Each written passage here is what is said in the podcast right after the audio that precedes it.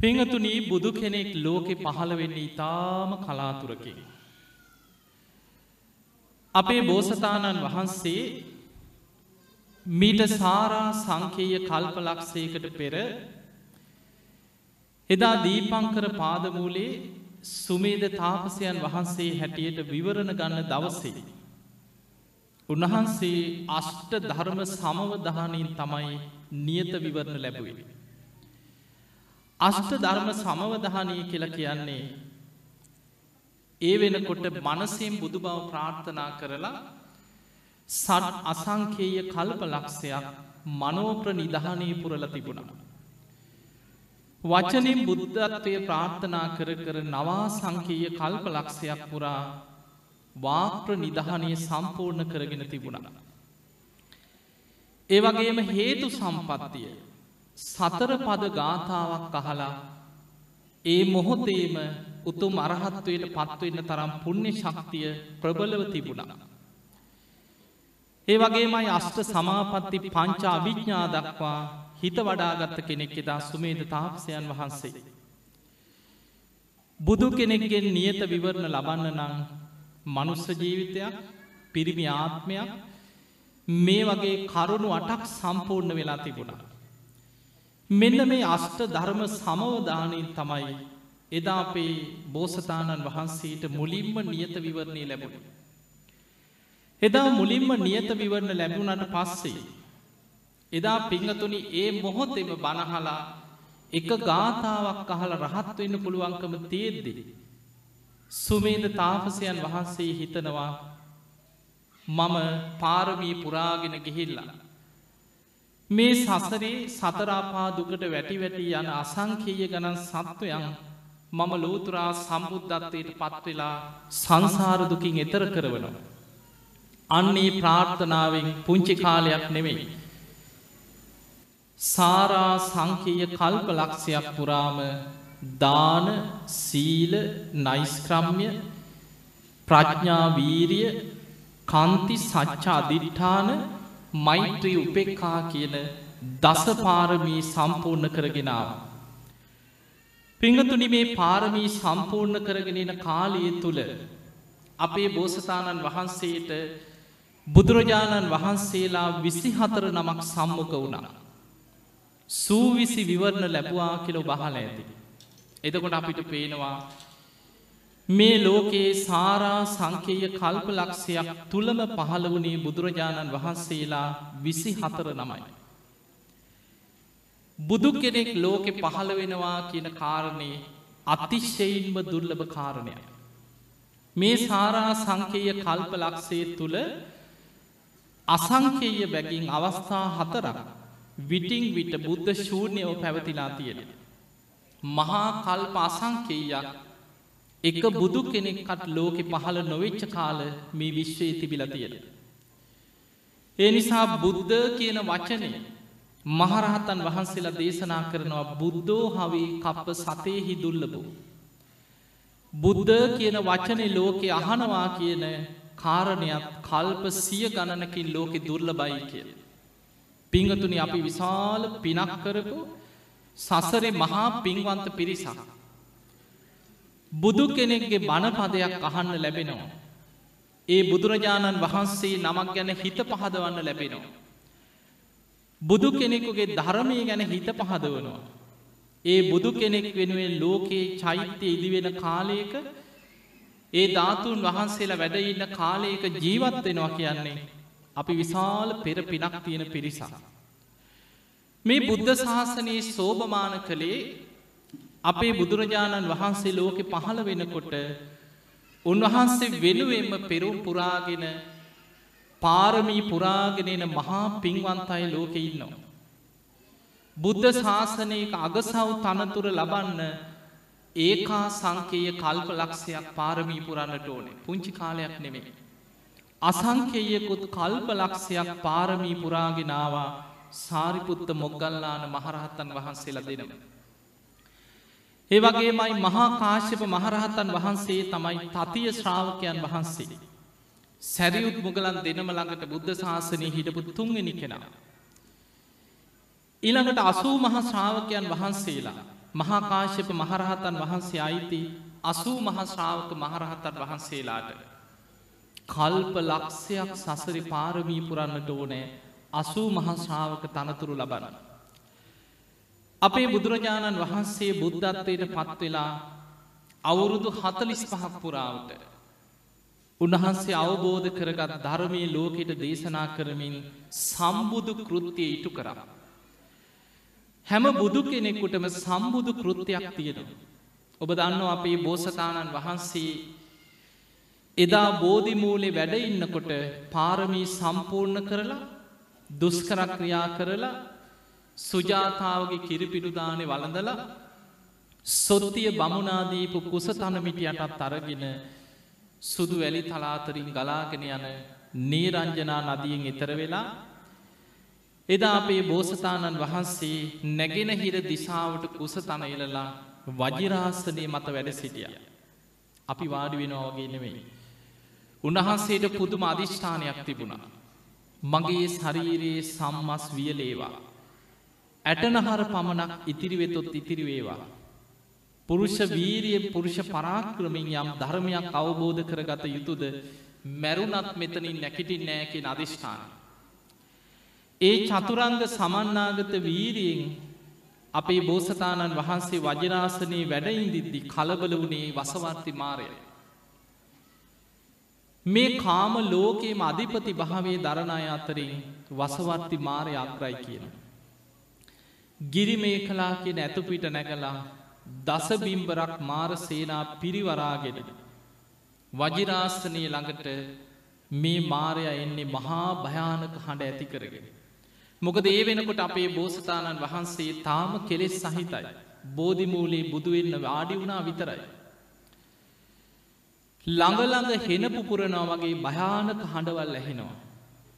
ගස් කඩාගෙන ඇගට වැටෙනවා වගේ භයානක සබ්ද ඇති වෙනවා. කඳු ගල් පෙරලීගෙන එනවා වගේ භයානක හඬ ඇති වෙනවා. අහස ගුගුරනවා. පොළොව දෙදරනවා. මේ වගේ භයානක හඬ ඇති කරා උන්වහන්සේ පුදුම අධිෂ්ඨානයෙන් ඒ ඉරියව්වෙන්ම ඉන්නවා. මැරුණත් නැකිටින් නෑකින අධිෂ්ඨානය. අවසානයේ වසවර්ති මාරය ළඟට ඇවිල්ලා. ගිරිමේ කලාකි නැතුපිට ඉඳං අපේ බෝසතාණන් වහන්සේට විධාන කරනවා වහාම ඔතනින් නැකිටින්න කියෝ. ඔබහන්සේට මගේ අයිතියක් නැතු ඔත්තන වැඩඉන්න බෑ. මමයි කාමලෝක අධිපතිය. වහාම ඔතනින් නැකිටින්න කියෝ. මතකතියාගන්න දෙවියන් කියන්නේ කෙලෙස් සහිතයි. දෙවිවරු පවා මාර වසගේ ඉන්නේ. වසවර්ති මාරය මාර සේනා පිරිවරාගෙන එනකොට දෙවියම් පවා බියේ පලා යන. අපේ බෝසතාණන් වහන්සේ පමණයි වජිරාසනය ළඟ. මාරය මාර සේනාවත් එක්ක උන්වහන්සේට අන කරන වහා මොතනින් නැකිටිරි. උන්වහන්සේට කාගෙවත් ඒ වෙනකොට සාක්කිකාරීක් නෑ. ඔබහන්සේ ඔප්පු කරන්නක ඔබහන්සේට මෙතන වැඩයි අයිතියක් තියෙනවන. උන්වහන්සේට මෙනෙහි වුණා සසරි පාරමී පුරපු ආකාරය. උන්වහන්සේ හිතින් මෙනෙහි කරා මම පාරමී සම්පූර්ණ කරගත්ත කෙනෙන. පාරමී උපපාරමී පරමත්ත පාරමී හැටියට පාරමී සම්පූර්ණ කරගත්ත කෙනෙන. මම පාරමී ධර්ම සම්පූර්ණ කරලයි මෙතන වැඩයින්න. වෙස්සන්තර ආත්මි පාරමී පුරණකොට මහපොළොව හත්වාරයක් පාරමී බලින් කම්පා වුණා. ඒ නිසා මට මෙතන වැඩඉන්න අයිතියක් තියෙනවා මේ මහපොළොව මට සාක්ෂි දරනවා කියලා වජිරාස්ථනය මත ඉඳගෙන ශ්‍රී හස්තය පොළොවට තියල උන්වහන්සේ අධිෂ්ඨාන කර. ඔබහන්සේට මෙතන වැඩයින්න අයිතියක් තියෙනවා කියලා සාක්ෂි වසයෙන් පොළොව ගිගුරුම් දෙමින් කම්පාවෙන්න පටන් ගත්තා. ඒ වෙලාවෙ තමයි වසවර්ති මාරයා මාර සේනාවත් එක්ක සීසීකඩ පලාගී. අපි කවුරුත් බෝධි මූලයේදී මාර පරාජය කරා කියල කියන්නේ. අපේ බෝසතාණන් වහන්සේ පාරමී සිහි කරලා මහපොළොවට ශ්‍රී හස්තයේ තියල අධිෂ්ඨාන කරනකොට පොළොව ගිගුරුම් දෙද්දි මාරයා සේනාවත් එක පලාගිය. එදා රාත්‍රී තමයි උන්වහන්සේ ආනාපාන සති භාවනාවෙන් හිත සමාධිමත් කරගෙන. පළවෙනියාමේ දෙවනියාමේ තුන්ගෙනයාම වෙනකොට ඉස්සරලාම උන්වහන්සේගේ හිත හතරවෙනි දිහානයටම සමාධිමත් වුණා. රාත්‍රී පළවෙනියාමේ උන්වහන්සේට පුබ්බේ නිවාසානුස්සති ඥානය ඇති වුණා. රාත්‍රී දෙවනියාමේ චුතූපපාත ඥානය ඉපදුනා. රාත්‍රී තුන්වෙනියාමේ පටිච්ච සමපාදය අනුලෝම ප්‍රතිලෝම වසයෙන් විමසුව. හිමිදිරි උදෑස්තන අරුණෝදයක් සමගම මේ පටිච්ච සම්පාද ධර්මය අනුලෝම ප්‍රතිලෝම වසයෙන් විමසල අවසන් වෙනකොට උන්වහන්සේගේ හිත සියලු කෙරිසුන්ගේ සියලු ආශ්‍රවයන්ගේ මිදිලා මේ මහා බද්‍රකල්පයේ හතරවෙනි බුදුරජාණන් වහන්සේ හැටියට සම්මා සම්බුද්ධත්වයට පත් වනා. අපේ බුදුරජාණන් වහන්සේ බුදු වෙලා විමුක්ති සුව විඳිමින්. ඒ වජිරාසනය මත ඒ ඉරියව්වෙන්ම සතියක් වැඩ සිටිය. දවසක් මාරයා දැම් බුදුරජාණන් වහන්සේ බුදුවෙන එක වලක්වන්න උත්සාහ කරා බැරි වුණ. ඊට පස්සේ මාරය ආයමත් බෝධිමූලෙදි පෙනී හිටිය බුදුනාට පස්සේ. මේ වසවර්ති මාරය පෙනීදලා බුදුරජාණන් වහන්සේට කියනවා ඔබහන්සේ කොහොම හරි මගේ වසගේ මිදුනා. හැබැයි මේ මිදෙන මාර්ගයනල් ලෝකයට කිය කියා ඔබහන්සේ වෙහිසෙන් එපා ඒක වැඩක් නැති දෙයක්. ඉක්මනින්ම පිරිනිවන් පානසේක්වා. ඔබහන්සේ ඉක්මනින් පිරිනිවන් පාන සේක්වා කියලා බෝධි මූලේදීම මාරය පිරිනිවන් පාන ආරාධනා කළලා. බුදුරජාණන් වහන්සේ වදාළ පාපී මාරය බුදුවරු එහෙම පිරිනිවන් පාන්නේ නෑ. අවබෝධ කරගත් ධර්මය ලෝකයට දේශනා කරලා ඒ ධර්මය තුළ භික්‍ෂු භික්‍ෂුණී උපාසක උපාසිකා කියන සිව්වනක් පිරිස ලෝකෙ පහළ වෙනවා. ඒ අය මේ ධර්මය ගැන ව්‍යක්ත විසාරද බහුශ්ෘත ධර්ම දරයි බවට පත්වෙන. දම්මානු දම්ම ප්‍රතිපදාවේ සාමීචි පටිපන්න අනුදම්මචාරී ශ්‍රාවකයෝ ලෝකෙ පහළ වෙන. අනාගතයේ බුද්ධ ශාසනයට හානිකර මතවාද මතුවෙනකොට ධර්මයම මතුකරමින් කරුණු සහිතව. ඒ මිනිතයා මතවාද බිඳින්න දක්ෂ ශ්‍රාවකයෝ පහළ වෙනවා. එතෙක් තතාගතයන් වහන්සේ පිරිනිවන් පානෙන් නෑ කියල පාපී මාරයට ප්‍රකාශ කර. ඒක තමයි බුදු කෙනෙක්ගේ සම්බුදු කෘත්තිය. හැම බුදුරජාණන් වහන්සේ නමකටම බුදුනාට පස්සේ ඉටු කළ යුතු සම්බුදු කෘතියක් තියෙන. ඒ තමයි උන්වහන්සේ අවබෝධ කරගත් ධර්මය ලෝකෙට දේශනා කරන. එදා දීපංකර පාදමූලේ සතර පද ගාථාවක් අහලා රහත්වෙන්න නිවන් දකින්න පුළුවන්කම තියෙද්දී. සාරා සංකීය කල්ප ලක්ෂයක් පාරමී පිරුවේ මේ ධර්මය ලෝකෙට දේශනා කරලා අසංකේය ගණන් සත්වයන් සංසාරදුකින් එතර කරවන්න. අපේ බුදුරජාණන් වහන්සේගේ ප්‍රථම ධර්ම දේශනාව එදා ඉසිපතන මිගදායි ධම්ම චක්ක දේශනාව දෙවිවරු පමණක් දහාට කෝටියක් දෙවියම් මාර්ග පල් ලැබුව. එදා මනුස්සලෝකින් පස් දෙනයි බණැහුයි කොන්නඥ වප්ප බද්ධිය මහනා මස්සජී. හැබැයි අහස්කුස දස දහසක් ලෝක දහතුවල දෙවියන් අහසි පිරිලා ඉතිරිලා අත්තුරු සිදුරු නැතුව දෙවියන්ගෙන් පිරිලගිය. ඒ දෙවිවරු අතරින් දහට කෝටියක් දෙවියන් ධම්ම චක්ක දේශනාව අහල අවසන් වෙනකොට බුදුරජාණන් වහන්සේගේ පළවෙනි දේශනාවෙන්ම මාර්ග පල් ලැබුව. ඒ දෙවිවරුන්ගේ බූමාටු දෙවියන්ගේ ඉදං අකනිටා බඹලවටම දෙවිවරු ප්‍රීතිගෝසා කරා. අපපතිවත්තියන් ශ්‍රමණයනවා බ්‍රාහ්මණයනවා දේවේනවා මාරයනවා කියන චිවා ලෝකස්මි. මේ වගේ දේශනාවක් මේ ලෝකෙ වෙන කාටවත් කරන්න බෑ. බුදු කෙනෙක් පමණමයි මේ ධම්ම චක්කේ පතුරුවන්නේ. බුදුරජාණන් වහන්සේ ධම්ම චක්කේ දේශනා කරා කියලා එක හඬින් ප්‍රීතිකෝසා කරන්න. ඒ විදියට ඉහලට ඉහලට අකනිටා බඹලව දක්වා සාධකාර දෙමින් දෙවියම් ප්‍රීතිකෝසා කරා. එදා ඉඳං අපේ බුදුරජාණන් වහන්සේට විවේකයක් නෑ. උන්වහන්සේ දවසේගේ පැය දෙහකටත් අඩු කාලයක් සිංහ සෙයාාවෙන් සැතපුුණේ. හිමිදිරි උදෑස්සන අවදි වෙලා දොළොස් කෝටි ලක්ෂවාරයක් මහා කරුණා සමාපත්තියට සමවදින. ගන්ධකුටිය ඉඳන් දස දහසක් ලෝක දහතුවට බුදු ඇස විහිදෝල බලනවා කාට දදමම් පිහිට වෙලෙන. කවුද අද දවසි ධර්මය අවබෝධ කරන පින්වන්ත අය. මනුස්සලෝක මිනිස්සු අතරින් කවුද දෙවියන් අතරින් කවුද. බ්‍රහ්මයන් අතරින් කවුද අද දවස නිවන් දකින. බුදුරජාණන් වහන්සේ අය හොයාගෙන යුතුන් ගනන් ඒ අය හොයාගෙන පින් ඇති අය ළඟට වැඩම කරන. හවස්වරුවේ සමාපත්තියට සමවැදිලා දොළොස් කෝඩි ලක්සවාරයක් ආයමත් මහා කරුණා සමාපත්තියට සමවදිනවා. ගන්ධකුටියේ ඉදන් දස දහසක් ලෝක දහතුවට ආයමත් බුදු ඇස විහිදෝනු. රාත්‍රී කාලෙ. දම්සභා මණ්ඩපේ බණහල නිවන් දකින්නේ කවුද. රාත්‍රී කාලි බුදුරජාණන් වහන්සේ මුණගැහෙන්නෙන දෙවියන් අතරින්. බ්‍රහ්මයන් අතරින් අද මාර්ග පල් ලබන්න පින තියෙන්නේ කාටද. බුදුරජාණන් වහන්සේ දෙව්මිනිස් ලෝකයා ගැන මහා කරුණාවෙන් උන්වහන්සේ අවුරුදු හතලිස් පහක් පුරාම මේ ධර්මී ලෝකයට දේශනා කරගෙන කරගෙන යනකොට අර සසර පින් පුරාගෙනාපු මහා පින්වන්ත ශ්‍රාවකයෝ විටිං විට දෙව්ලොවී මනුලවට ඇවිල්ලා බුද්ධ ශාසනයට එකතු වුණ. උපතිස්ස කෝලිත දෙන්න. එක ගාථාවහලා උපතිස්ස අස්සජී මහරහතන් වහන්සේගෙන් ගාථාව පද දෙකක් ඇහෙනකොට සුවාන් වුණ. බුද්ධ වචනයක තියෙන ශක්තිය. උපතිස්ස කියන තරුණයමේ ධර්මය තේරුම් අරගෙන තමන්ගේ යාළුව කෝලිත හොයාගෙන ගිහිල්ල කිව යාළුව යහළුව මට ධර්මය ලැබුණ. හොඳට අහගන්න කියව. සතර පද ගාථාවකින් බුදු බණක් අහලා ඉවර වෙනිදී කෝලිතස් වූවාන් පලට පත් වුණ. මේ බුද්ධ ශාසනය තුළ අග්‍රශ්‍රාවකයන් වහන්සේලා එදා සංජයගේ පිරිස දෙසිය පණහක් එකතු කරගෙන ඈතින් එනකොට. බුදුරජාණන් වහන්සේ සඟ පිරිසට පෙන්න්නනවා මහණනි අර ඈතින් එන්නේ මේ බුද්ධ ශාසනය අග්‍රශ්‍රාවක දෙනම. සාරිපුත්තයන් වහන්සේ සසර පෙරුම්පුරාගෙන ආවිම ප්‍රඥාවන්තයන්ගෙන් අගතනතුර ලබන.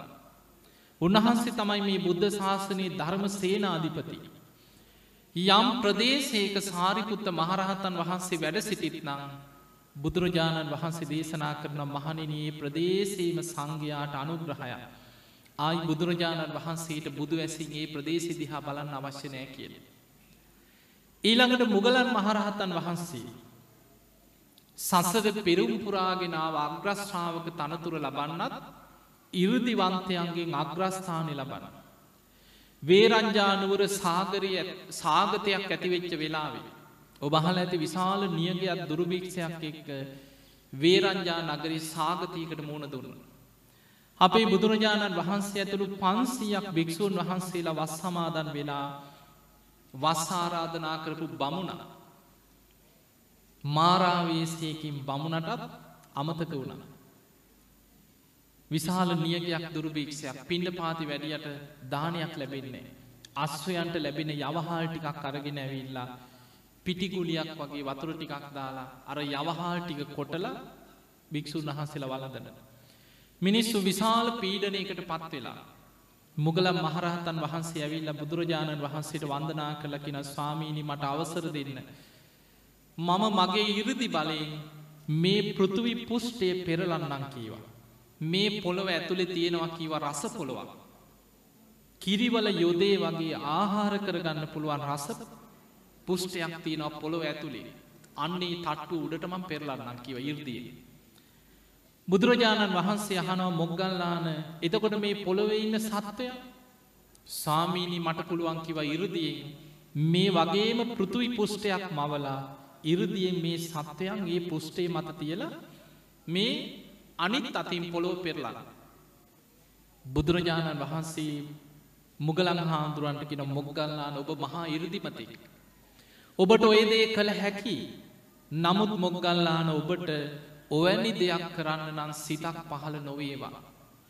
ඒකට හේතුව තමයි මොග්ගල්ලාන ඔබෝයදේ ඉරදියෙන් කළොත්. ඉරුදි විෂය අචින්තියයි. සාමාන්‍ය මනුස්්‍යයන්ට හිතාගන්න බෑ මොකක්ද මේ වනේ කියලා. මිනිස්සු ඒක හිතල හිතලා හිත විපිලිසර කරගන්න බොහෝ දෙනෙක් පිස්සු ඇටෙනවා කිය. ඒ නිසා මුගලන් ඕක කරන්න එපා කියවා. මේ බුද්ධ ශාසනී ඒ තරං ඉරුදියක් තිබ්බ කෙනෙ. මුගලම් මහරහතන් වහන්සේ. නිතර දෙව්ලවට වඩිනවා. අහසිං යනවා නොපෙනී යනවා. පොළොවේ කිමිදිලා තව තැනකින් මතුවෙනවා. ජලය මත සක්මන් කරනවා. මහා ඉරුදි බල සම්පන්න කෙනා. ඒකා සංකේය කල්පලක්ෂයක් පාරමී පුරපු සාරිපුත්ත මොග්ගල්ලාන මහරහතන් වහන්සේලා දෙනම මේ බුද්ධ ශාසනී සෝභමාන කරලා අපේ බුදුරජාණන් වහන්සේ පිරිනිවන් පාන්න අවුරුද්ධකට කලින් සැරියුත් මුගලන් මහරහතන් වහන්සේලා පිරිනිවන් පෑව. ඒක ලෝක ධර්මතාවයක්. හැම බුදු කෙනෙක්කුටම පෙර අග සහුදනම පිරිනිවන් පාන. ඒක ලෝක ධර්මතාවය. සාරිපුත්ත මහරහතන් වහන්සේගේ පවුලේ වැඩි මහල්ම කෙනා සාරිපුත්ත මහරහතන් වහන්සේ. ඊළඟට චුන්ද හාමුදුරු උන්වහන්සේ රහතන් වහන්සේ නම චුන්ද මහරහතන් වහන්සේ. ඊළඟට බාලම කෙනා හිටිය කදිරවනේ රේවත මහරහතන් වහන්සේ. උපසේන මහරහතන් වහන්සේ. පිරිමි දරුව හතර දෙනයි නංගිල තුන් දෙනෙක් හිටිය චාලා උපචාලා සිසූපචාලා. ඒ තුන් දෙනාම පැවිදි වෙලා රහත් වුණා. හැබැයි අන්තිම මොහොතේ සාරිපුත්ත මහරහතන් වහන්සේ පිරිනිවන් පාන වෙලාවේ උන්වහන්සේ දැක්කා පවුලේ මල්ලිල නංගිල ඔක්කොම රහත් වෙලා පිරිනිවන් පාන. හැබැයි අම්ම තාම බුදුහාන්දුරන්ට බැන බැන තුනුරුවන්ට බැන බැන සංඝයාට බැන බැන අනේ මගේ දරුවටි කරගෙන ගියා කියලා භික්‍ෂූන් වහන්සේලාට බැන බැන මිත්‍යා දෘෂ්ටියක මහා බ්‍රහ්මය අදහගෙන ඉන්නවා. සාරිපුත්ත මහරහතන් වහන්සේ බුදුරජාණන් වහන්සේට වන්දනා කරලා කිනො ස්වාමීනී මට දැම් පිරිනිවන් පාන්න කාලේ හරි. තතාගතයන් වහන්සේ මට පිරිනිවන් පාන්න අවසර දෙන සේක්වා. බුදුරජාණන් වහන්සේ බුදු වැසින් බලල කියනවා සාරිපුත්ත ඔබ කොහෙද පිරිනිවන් පාන. සාමිනී මං මගේ ගෙදරට යනවා. අම්ම තාම මිත්‍යා දෘෂ්ටියක ඉන්නේ. මම නිවසට ගිහිල්ලා අවසාන මොහොතේ හරි අම්මව ධර්මී පිහිටල මං ගෙදර පිරිනිවන් පාන. බුදුරජාණන් වහන්සේ සාධකාර දුන්නා. චුන්ද මහරහතන් වහන්සේත් එක්ක පන්සීයක් භික්‍ෂූන් වහන්සේලා ඒ ගමනට සාරිපුත්ත හාමුදුරුව එක්ක නිවසට වැඩිය. එදා ඒ නිවසේ සාරිපුත්ත මහරහතන් වහන්සේ වඩිනකොට පිරිනිවන් පාන උන්වහන්සේ ගිලං වෙලා උන්වහන්සේට බඩේ අමාරුවක් තිබ්බා. ලේත් එක්ක බඩේලී යන වමන යනවා. උන්වහන්සේ නිවසට වැඩම කළ එදා රාත්‍රී හොඳටම ගිලං වුණා. උන්වහන්සේට පඩික්කම් පිරෙන්න ලේ යනවා. රාත්‍රී දෙවිවරු වෙනවා සතරවරන් දෙවියන් අහස්සේ විශාල ආලෝක මවාගෙනාව කියනවා. සාරිපුත්ත මහරහතන් වහන්සේට උපස්ථාන කරන්න පිරිනිවන් පාන දවසේ. ඒ වෙලේ සාරිපුත්ත මහරහතන් වහන්සේ කියනවා දෙවියනේ මට මේ මනුස්ස ලෝක භික්‍ෂූන් වහන්සේලා ඉන්නවා. මේ චුන්ද හාමුදුරුව ඇතුළු පන්සීයක් සංඝයා ඉන්නවා මට උපස්ථාන කරන්න. අම්ම ඒත් සාරිපුත්ත හාමුදුරගේ කාම්බරේටාවෙනෑ. ගිහි කාලෙ හිටපු ගෙදර කාම්බරේ දුන්නා මම යන්නේ නෑ කියලා ඔළු ඉදුමවාගෙන ගෙයි පැත්තකට වෙලා හිටිය.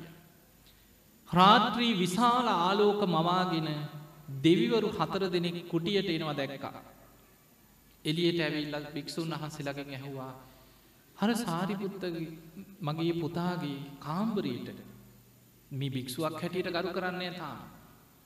විශාල ආලෝක හතරක්කාව මොකක්දේ කියලෙහු. භික්‍ෂූන් වහන්සේලා කියන මෑනයනේ.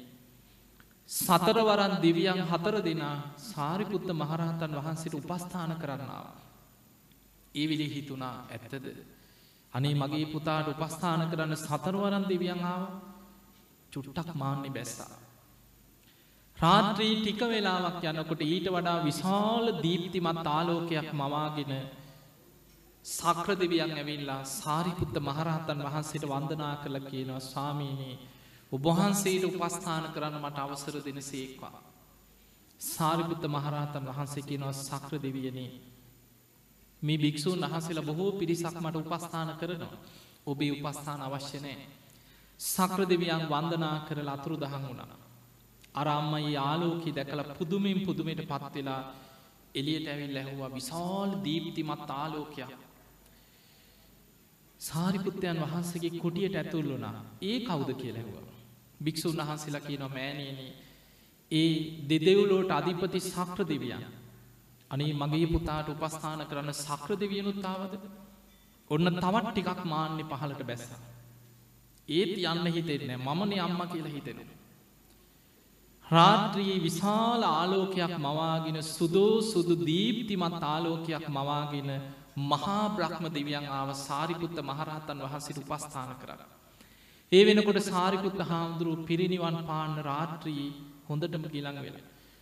උන්වහන්සේට ලේත් එක්ක බඩේලියන්න. මහා බ්‍රහ්ම දෙවියන් ඇවිල්ල වන්දනා කරලා කිව්වා ස්වාමීනී ඔබවහන්සේ මේ බුද්ධ ශාසනය තුළ ධර්ම චක්‍රයේ පවත්වන බුදුරජාණන් වහන්සේගේ ධර්ම චක්‍රයේ විදිහටම පවත්වන. මේ බුද්ධ ශාසනී ප්‍රඥාවන්තයන්ගෙන් අගතැම්පත් ඔබහන්සේට මට උපස්ථාන කරන්න අවසර දෙන සේවා. මහා බ්‍රහ්ම දෙවියනේ මේ භික්‍ෂූන් වහන්සේලා ඉන්නවා මට උපස්ථාන කරන්න. ඔබේ උපස්ථාන අවශ්‍ය නෑ කීවා. ඒ විලේ වන්දනා කළ මහා බ්‍රහ්ම දෙවියන් අතුරු දහන් වුණන. සාරිපුත්ත හාන්දුරන්ගේ අම්මා මහා බ්‍රහ්ම දෙවියන් තමයි අදහාගෙන විශ්වාස කරගෙන වැඳගෙන හිටිය. අවසානි තමන්ගේ පුතාට උපස්ථාන කරන්න මහා බ්‍රහ්ම දෙවියනු තහසින් වැඩියා කියලා දැනගත්ත වෙලේ අන්නේ වෙලේ තමයි හොඳටම මාන්නේ නැතිවුණේ. අන්තිම වෙලේ භික්‍ෂූන් වහන්සේලාට කියන අනේ මාව එක් කියන්න උන්වහන්සේ ළඟට මට උන්වහන්සේට වඳින්න ඕන දකින්න ඕන. සාරිපුත්ත මහරහතන් වහන්සේ ළඟට මෑනියන් එක්කරගෙනාව. සාරිපුත්ත මහරහතන් වහන්සේ දහම් දෙසවා. අන්තිම වෙලාවේ බණහලා සෝවාන් පලයට පත් වුණ. එදා රාත්‍රී සාරිපුත්ත මහරහතන් වහන්සේ සිවුර ඒකාන්ස කරලා පොරෝගෙන සංඝයාව අර පන්සීයක් භික්‍ෂූන් වහන්සේලා තමන්ගේ කුටියට අඩගහලා ඒ හැමෝටම කතා කරලා සාරිපුත්ත මහරහතන් වහන්සේ සිංහසීයාවේ සැතපිලා හතරවෙනි දෙහානයට සමවැදිලා ඒ දෙහානෙන් නැගේ සිටිනවත් සමගම එදා රාත්‍රියයේ නිවසි පිරිනිවන් පැව. සාරිපුත්ත මහරහතන් වහන්සේගේ දේහේ ආදාහනය කරලා උන්වහන්සේගේම සොහොයුරාවෙච්ච චුන්ද මහරහතන් වහන්සේ සාරිපුත්ත හාන්දුරන්ගේ පාත්‍රයට දහතුන් වහන්සේලා පුරෝගෙන සාරිපුත්ත හාන්දුරන්ගේ පාත්‍ර දහතුන් වහන්සේ අරගෙන ජේතවනාරාමිට එනවා. ඇවිල්ල බුදුරජාණන් වහන්සේගේ ශ්‍රී හස්තයට පත් කරා ස්වාමීනී භාක්‍යතුන් වහන්ස සාරිපුත්ත මහරහතන් වහන්සේ පිරිනිවන් පෑවා. උන්වහන්සේගේ ශ්‍රී දේහය ආදාහනය කරල ලැබිච්ච මේ දහතුන් වහන්සේලා. සාරිපුත්ත මහරහතන් වහන්සේගේ දහතුන් වහන්සේලා බුදුරජාණන් වහන්සේගේ ශ්‍රී හස්තේ තියාගෙන සංඝයාට ගුණ කියල. මහනෙනි සාරිපුත්තයන් වහන්සේ ඒකා සංකීය කල්පලක්ෂයක් පාරමී පුරපු මහා පින්වන්ත කෙනෙ. සාරිපුත්තයන් වහන්සේ යම් ප්‍රදේශයක වැඩඉන්නවනං ඒ ප්‍රදේශේම පිරිලා සංඝයාට පුදුම අනුග්‍රහයක්. බුදුරජාණන් වහන්සේ සාරිපුත්ත මහරහතන් වහන්සේගේ ගුණ කියලා. භික්‍ෂූන් වහන්සේලාට කියනව මහනෙන සාරිපුත්තයන් වහන්සේගේ මේ දහතුන් වහන්සේලා තැම්පත් කළ චෛත්‍යයේදි කරන්න. දෙව්මිනිස් ලෝකයාට වන්දනා කරලා පින් රැස් කර ගන්න පුළුව.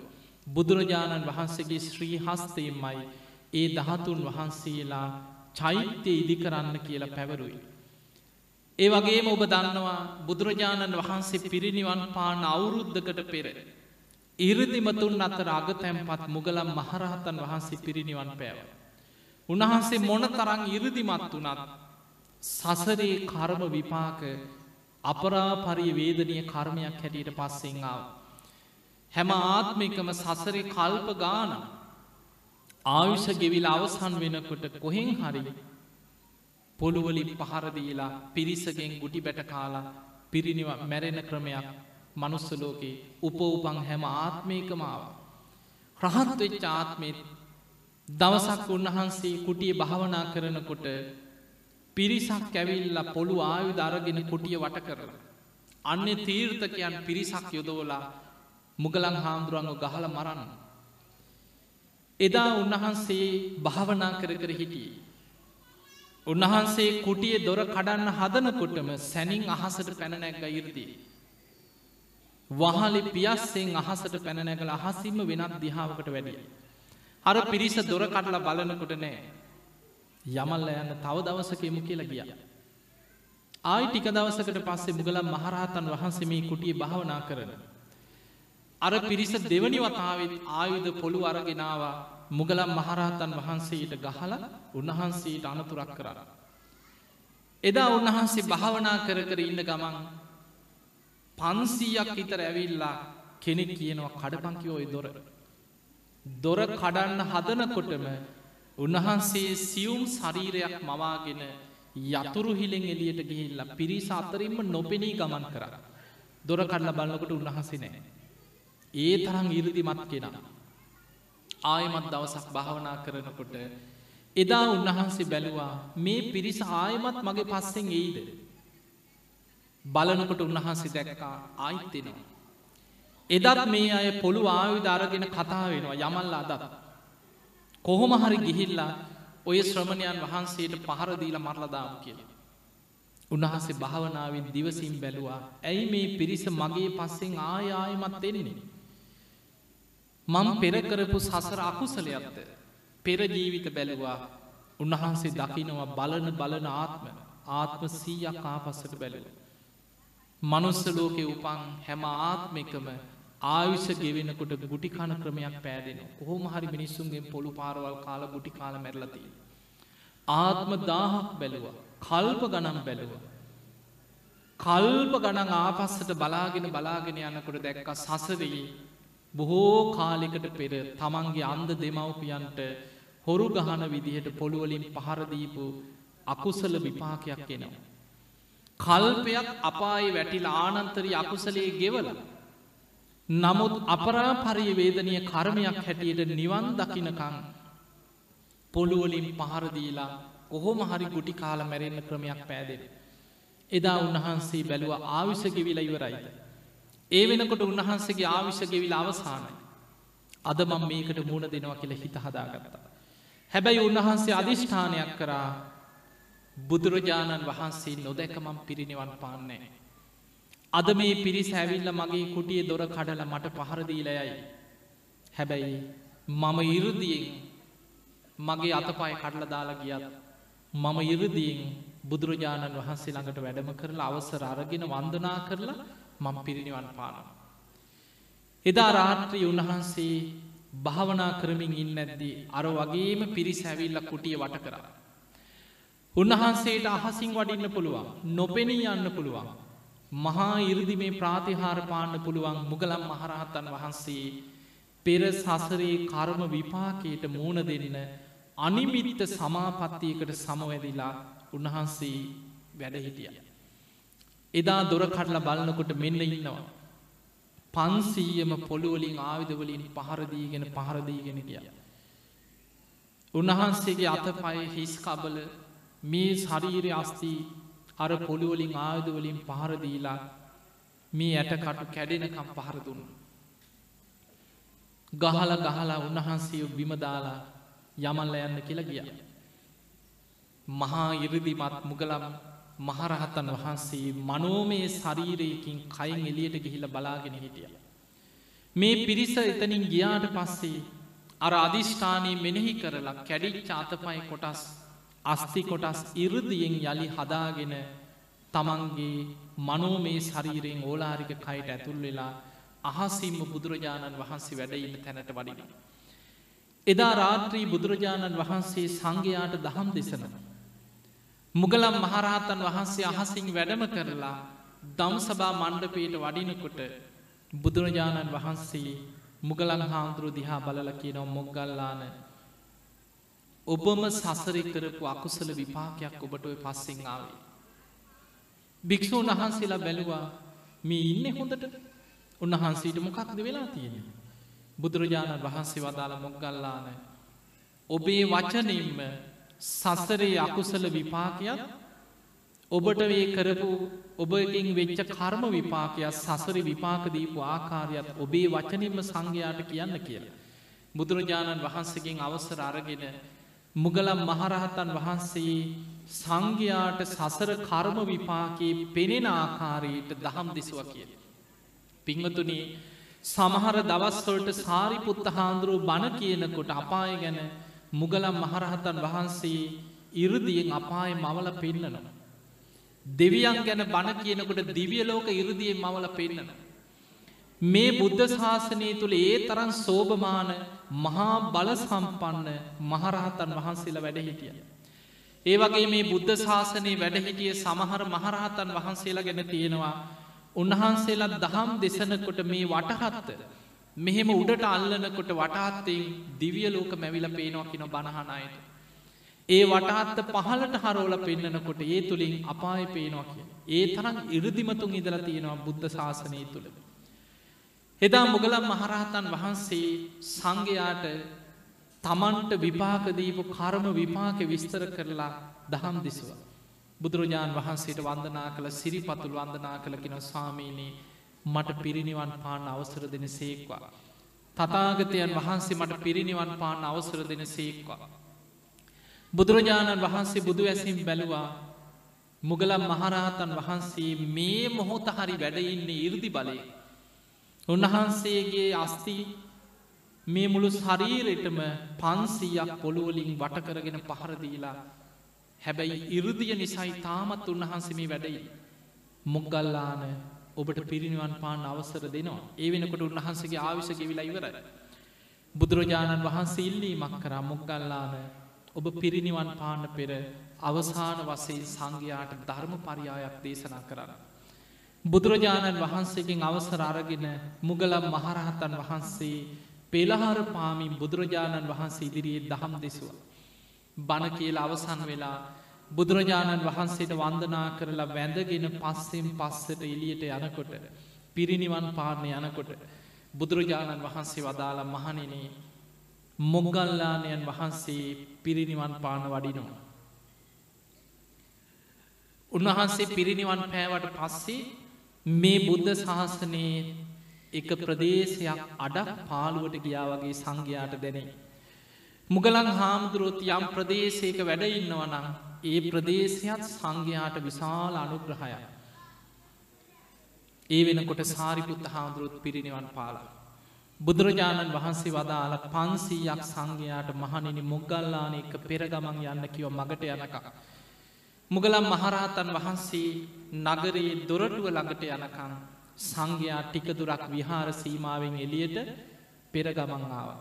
ඒ භික්‍ෂූන්ගෙනුත් අවසර අරගෙන අහසිම වැඩම කරලා තමන්ගේ කුටිය සිවරේ කාංස කරලා පොරෝගෙන සිංහසෙයාවෙන් සැතපිලා හතරවෙනි දෙහානයට සමවැදිලා ඒ දෙහානෙන් නැගී සිටිනවා සමගම මුගලම් මහරහතන් වහන්සේ පිරිනිවන් පාවදාල. පිංහතුනි අපේ බුදුරජාණන් වහන්සේ ජියවමානෝ වැඩඉන්න කොටමයි පුංචි රාහුල හාමුදුරුව පිරිනිවන් පෑවේ. දැම් බලන්න අපේ බුදුරජාණන් වහන්සේ පිරිනිවන් පානකොට උන්වහන්සේගේ වයි සවුරුදු අසුවයි. බුදුරජාණන් වහන්සේ පිරිනිවන් පාන අවුරුද්ධකට පෙර. උන්වහන්සේ බෝසත් පුතෙක් හැටියට මව් කුසින් බිහිවෙච්ච දවසෙම සහජාත වස්තු හැටියටයි යසෝදරාව උපන්නේ. මේ යසෝදරාව පැවිදි වෙලා රහත් වෙලා බුදුරජාණන් වහන්සේ පිරිනිවන් පාන අවුරුද්ධකට පෙර ඒ මහරහත් භික්‍ෂුණිය පිරිනිවන් පාන. එතකොට තමන්ගේ ගිහි කල පියාණන් වෙච්ච ලෝතුරා බුදුරජාණන් වහන්සේත් වැඩ සිටිද්දී.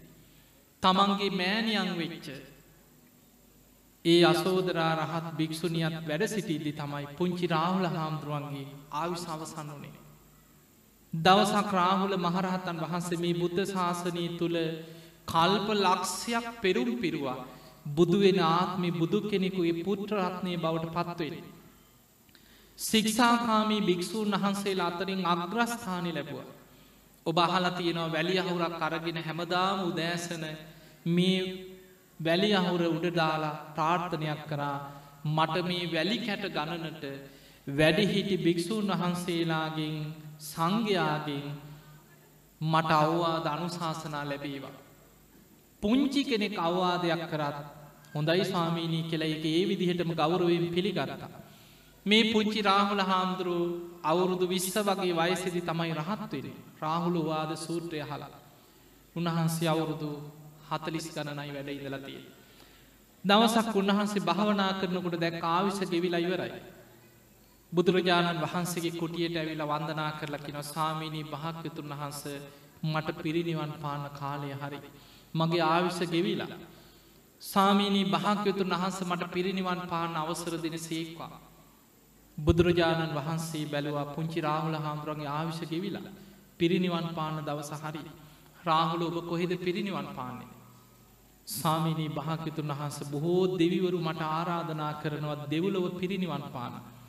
ඇයි තමන්ගේ පියාණන් වෙච්ච ලෝතුරා බුදුරජාණන් වහන්සේ මනුලෝ වැඩඉන්නවා. තමන්ගේ මෑණයන් උතු මරහත්වයට පත්වෙච්ච භික්‍ෂුණීන් වහන්සේදා වැඩඉන්නවා. මං මනුලව පිරිනිවන් පානයක සුදුසුද කියලා හිතුවා හිතනකොටම දෙවිවරු අහසේ පිරිලා සාධකාරදිදී ආරාධනයක් කරා රාහුලයන් වහන්ස දෙව්ලොව දෙවියන්ට අනුග්‍රහ පිණිස පිරිනිවන් පානසේක්වා. ඔබහන්සේ දෙව්ලොව පිරිනිවන් පානසේක්වා. රාහුල මහරහතන් වහන්සේ දෙවියන්ගේ ආරාධනී පිළිගත්තා. සාමීනී මන් දෙවියන්ට අනුග්‍රහ පිණිස දෙව්ලොව පිරිනිවන් පාන. හොඳයි රාහුල ඔබ දෙව්ලෝ පිරිනිවන් පාන්න බුදුරජාණන් වහන්සේ අවසර දුන්න. එදා බුදුරජාණන් වහන්සේගේ සිරි පතුල් වන්දනා කරලා පස්සීම් පස්සට කුටියෙන් එලියට ඇවිල්ලා. බුදුරජාණන් වහන්සේගේ කුටිය වටා බුදුගුණ සිහිකර කර තුන් වලල්ල කුටිය වටා වන්දනා කළ ප්‍රදක්ෂිනා කරලා බුදුරජාණන් වහන්සේ දෙස බලාගෙන ඒ මහසට පැනෙ නැගලා අහසිම්ම දෙව්ලෝට වැඩම කරලා රාහුල මහරහත්තන් වහන්සේ දිවියලෝක පිරිනිවන් පෑ. ඒ උතුම් රාහුල මහරහත්තන් වහන්සේගේ සියලුම දහතුන් වහන්සේ අද වැඩඉන්නේ දෙව්ලොව දෙවියන් අතර. ඊළඟට පිංහතුනි මහාකාශප මහරහතන් වහන්සේ. අපේ බුද්ධ ශාසනී තුළ බුදුරජාණන් වහන්සේ පිරිනිවන් පාන අවුරුද්ධකට පෙරයි අග සව් දෙනම පිරිනිවන් පෑ. බුදුරජාණන් වහන්සේ පිරිනිවන් පාද්දී මේ ශාසනී වැඩ හිටියපු ශේෂ්ඨතම කෙනා දූතාංග දානීන්ගෙන් අගතැම්පත් මහා පුරුෂ ලක්ෂණ හතක් පිහිටපු. ඈතට බුදුරජාණන් වහන්සේ වගේම පෙනුමක් තිබ්බ මහා කාශප මහරහතන් වහන්සේ.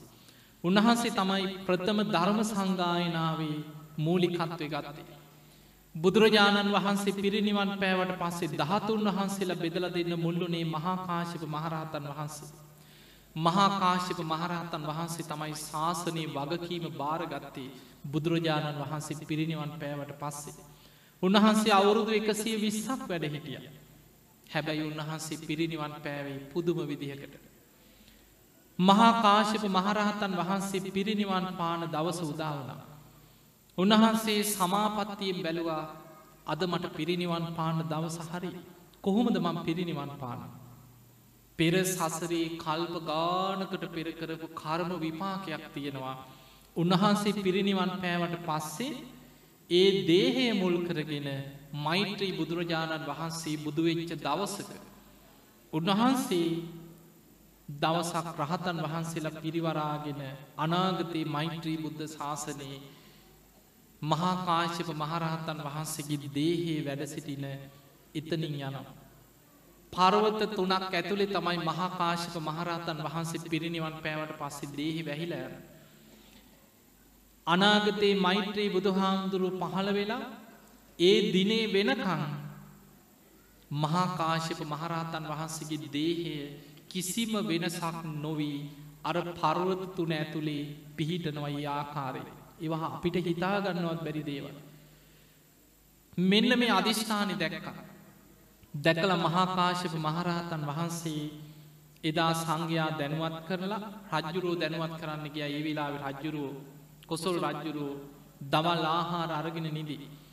රජ්ජුරුවන්ට උන්වහන්සේ වැඩිය කියලා දැනුම් දෙන්න කියලා සංඝයා එක්ක වැඩිය. රජගහනුවරින් කඳු මුදුනක විශාල ගල් පරවත තුනක් තියෙන. මේ පරවත තුන මැද්දේ තමයි උන්වහන්සේ පිරිනිවන් පාන.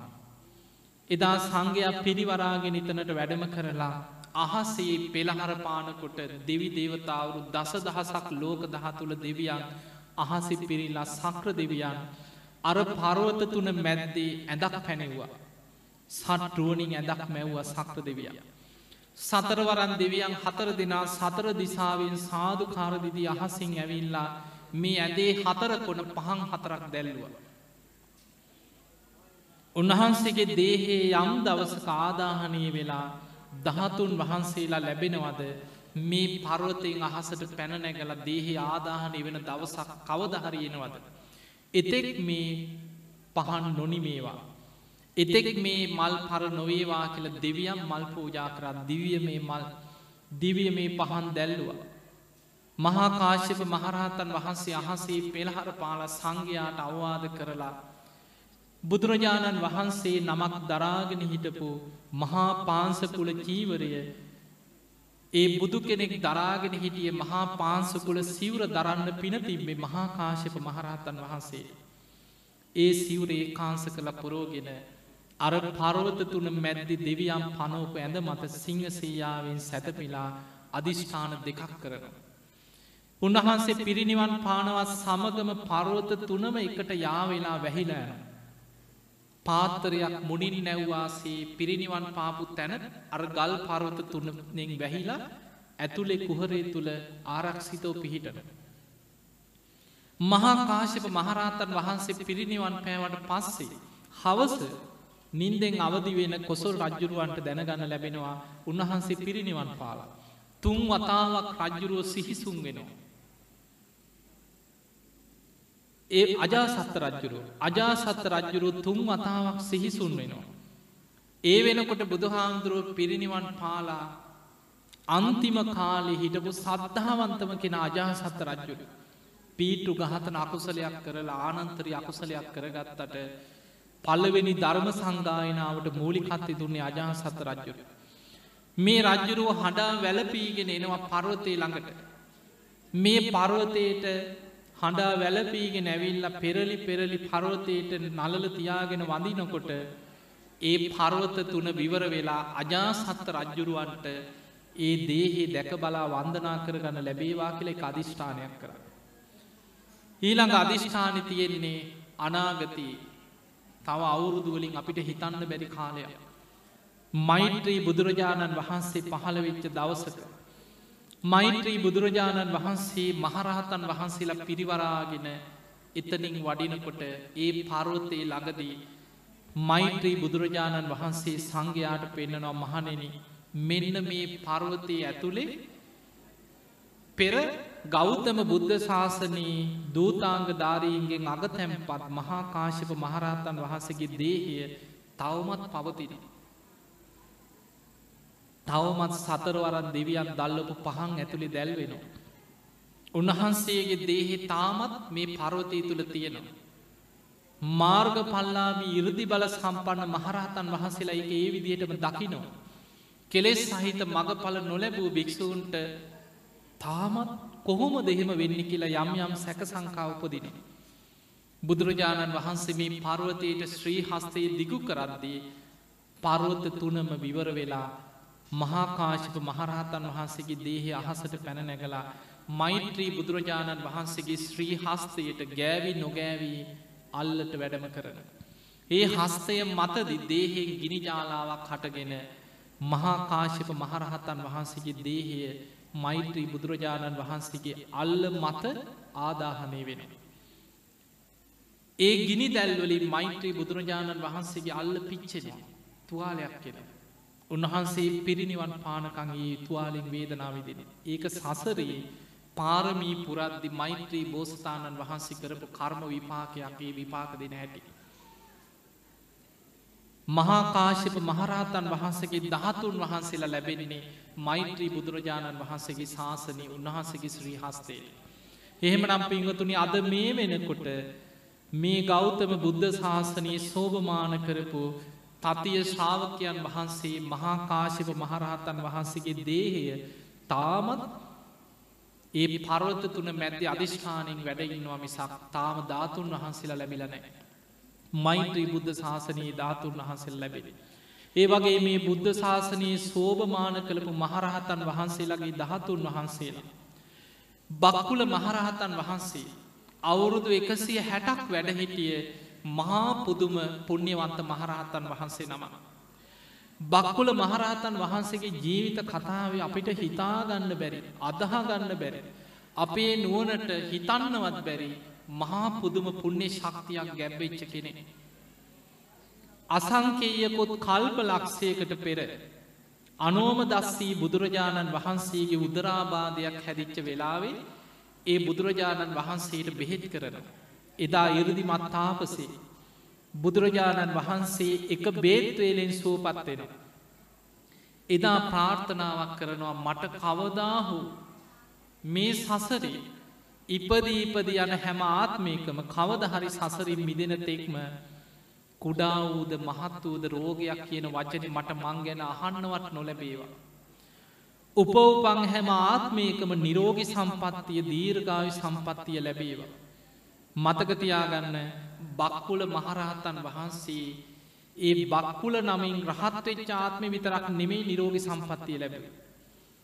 ඒකා සංකීය කල්ප ලක්ෂයක් උපවපන් හැම ආත්මයකම කුඩා වූද මහත් වූද රෝගයක් කියන වචනය තමන්ට තමන් ගැන අහන්නවත් නොලැබේවා කියන ප්‍රාර්ථනයෙන් පින්කරපු කෙනෙ. ඒ වගේම හැම ආත්මිකම දීර්ඝාවිශ වින්ද. හැම ආත්මයකම අකල් මරණයක් කවදාවත් වෙලා නෑ. හැම ආත්මයකම තමන්ට ඔයාට මෙහෙම ලෙඩක් තියෙනවා ඔයා මේ වගේ ලෙඩෙ ඔයා හොඳ කරන්න බෑ කවදාවත් තමන් ගැන සසර එහෙම දෙයක් අහන්නවට ලැබිල නෑ කිය. එහෙම පින්කරගෙන පින්කරගෙන ඇවිල්ලා පියවමතුරා බුද්ධ ශාසනී. මීට කල්ප ලක්ෂයකට පෙර පියවමතුරා බුදුහාදුරන්ගේ තමයි විවරණ ගන්න. මේ කෙන අනාගතයේ ගෞතම බුද්ධ ශාසනයේ නිරෝගී සම්පත්තියෙන් අගතැම්පත් අල්ප ආබාධ ඇති භික්‍ෂූන් වහන්සේලා අතරින් අග්‍රස්ථානය ලබන. ඒ උතුම් බක්කුල මහරහතන් වහන්සේ පැවිදි ජීවිතය අවුරුදු අසුවා. ගිහි ජීවිතෙත් අවුරුදු අසුවක් පුද්දුම සැප සම්පත් විඳිමින් නගර දෙහෙක රජවරු වගේ පුදුම සැප සම්පත් මැද්දි ගිහි ජීවිතය ගත කරන අවුරුදු අසුව. ඒ බක්කුල මහරහතන් වහන්සගේ ජීවිතයේ ගොඩාක් ලස්සන කරුණු තියෙන. පහුගේ දවස්වලමං ගොඩා කරුණු හොයලා එකතු කරලා බක්කුල මහරහතන් වහන්සේගේ නාමයෙන් පොතක් කෙලි දැක්වා. පෙරේද දවසේ තමයි මේ පොතාපි එලි දැක්වේ ඔබට මේ පොත ලබාගන්න පුළුවන් බක්කුල මහරහතන් වහන්සේ නමින් පිදෙන බක්කුල මහාසෑය කිය. මේ ධර්ම ග්‍රන්ථය තුළ බක්කුල මහරහතන් වහන්සේගේ ජීවිතයේ මහා පුදුම ආශ්චරමත් තොරතුරු ගොඩාක් තියෙන. පැවිදි ජීවිතය අවුරුදු අසුවටම නිදාගෙන නෑ කියන හිතන්නවත් පුළුවන් අපිට. නිදි මතක් කවදාවත් උන්වහන්සිට දැනෙන්නේ. මතකතියාගන්න කෙනෙකුට නින්දක් අවශ්‍ය වෙන්නේ. කෙනෙකුට නින්දක් අවශ්‍ය වෙන්නේ කය දුරුවලයි. මිනිස්සුන්ගේ කයි දුරුවලයි. එක දවසක් නින්ද නැති වුණොත් ඇඟ පතරි දෙනවා අත පයිරි දෙනවා ඇස්්‍රි දෙනවා. අපිට හිටගෙන නින්ද යනවා දවසක් හරියට වෙලාවට නිදාගන්න බැරිවුණු. බක්කුල හාමුදුරුවන්ට කවදාවත් තමන්ගේ කයට අපහසුවක් දැනිරනෑ කියන මුළු ජීවිතයේ. කිසිම ලෙඩක් කියලා ඒ කාලෙ තිබ්බේ අරලු ගෙඩිය බෙහෙතට ගන්න පුංචිමද අරලු කවදාවත් එක අරලු ගෙඩියක්කත් බෙහෙතක් හැටියට අරගෙන්නෑ කියල. උන්වහන්සේ වාඩි වනත් වාඩි වෙන්නේ කොන්ද හේතු කරල නෙමෙයි කියන.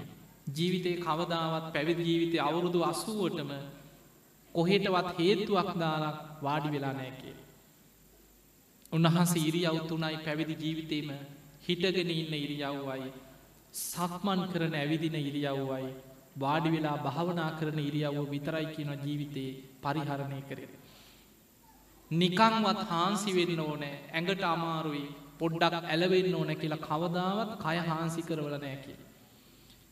මේ බක්කුල මහරහතන් වහන්සේ පිරිනිවන් පාන්නේ හරිම පුදුමයි. අවුරුදු එකසිය හැට හැබැයි තරුණ භික්ෂුවක් වගේම කොහොමත් උන්වහන්සගේ කයි රැලි වැටිලා වයසට ගිහිල්ල එහෙම පෙනුමක් තිබෙනෑ කිය. හැබැයි ඔබ දන්න අපේ බුදුරජාණන් වහන්සේ අවුරුදු අසුවක් වෙනකොට. ආනන්ද හාමුදුරුවන්ට බුදුරජාණන් වහන්සේ දේශනා කර ආනන්දය දැන් තතාගතයන් වහන්සගේ ශරීරය හරියට ජග්ගර සකටක් දිරාපු කරත්තයක් වගේ. දැම් බොහොම අමාරුවේ මේ කය පරිහරණය කරන්න. ඔබ දන්නවා බුදුරජාණන් වහන්සේ ලෙඩ වුණා බේලුව ගමේදි මාරාන්තික බඩේ අමාරුවක් වැළඳෙන. පිරිනිවන් පාන්න කුසිනාරාවට වඩින ගමන කීප තැනක කලන්තෙ හැදෙනවා. ලෝහිත පක්කන්දිකාරෝගී කියල ධර්මය සඳහන් වෙනවා අපේ බුදුරජාණන් වහන්සේට පිරිනිවන් පාන වඩිනකොට ලේස් සමඟ බඩේලියන. ඒකට හේතුව බුදුරජාණන් වහන්සේ පාරමී පිරුවේ නිරෝගි සම්පත්තියෙන් අග්‍රස්ථාන ලබන්න නෙමේ. මට නිරෝගි සම්පත්තිය ලැබේවා කිය අදහස් අපේ බුදුහාදුරන්න තිබෙනේ. උන්වහන්සේගේ හිතේ හැම වෙලේම තිබුණේ මට ලෝතුරා සම්බුද්ධත්වය ලැබේවා. අසංකේය ගණන් සත්වයන් සංසාරදුකින් එතර කරවන්න ලෝතුරා සම්බුද්ධ රාජ්‍යම ලැබේවා කියන ප්‍රාර්ථනය විතරයි. හැබැයි බක්කුල මහරහත්තන් වහන්සේ සසරි පෙරුම් පිරුවේ නිරෝගි සම්පත්තියෙන් අග්‍රස්ථානය ලැබේවා කියන ප්‍රාර්ථනය. මතකතියාගන්න අපි පින් කරලා අපි යමක් ප්‍රාර්ථනා කරනවද. අපි යම් අරමුණක් ඔස්සේ පින්කරගෙන යනවද පිනෙන් අපේ අරමුණ අපිට ළඟා කරලා දෙන. සාරිපුත්ත හාමුදුරුවන්ගේ අරමුණ වනේ අගසව් තනතුර ලබන. ඒකා සංකේය කල්පලක්ෂයක් පාරමී පිරුවේ ප්‍රඥාවන්තයන්ගේ අග්‍රස්ථානි ලබන ඒ දේ උන්වහන්සේට ලැබුණ. මුගලම් මහරහතන් වහන්සේගේ ප්‍රාර්ථනය වනේ ඒකා සංකේය කල්ප ලක්ෂයක් ඉර්දිවන්තයන්ගේ අග්‍රස්ථානයක් අගසව් තනතුරත් ඒක උන්වහන්සේට ලැබුණ. අනුරුද්ධ මහරහතන් වහන්සේ කල්ප ලක්ෂයක් පෙරුම් පිරුවේ දිවැස්ලාබීන්ගෙන් අගතනතුර ලබන ඒක උන්වහන්සේට ලැබුණ.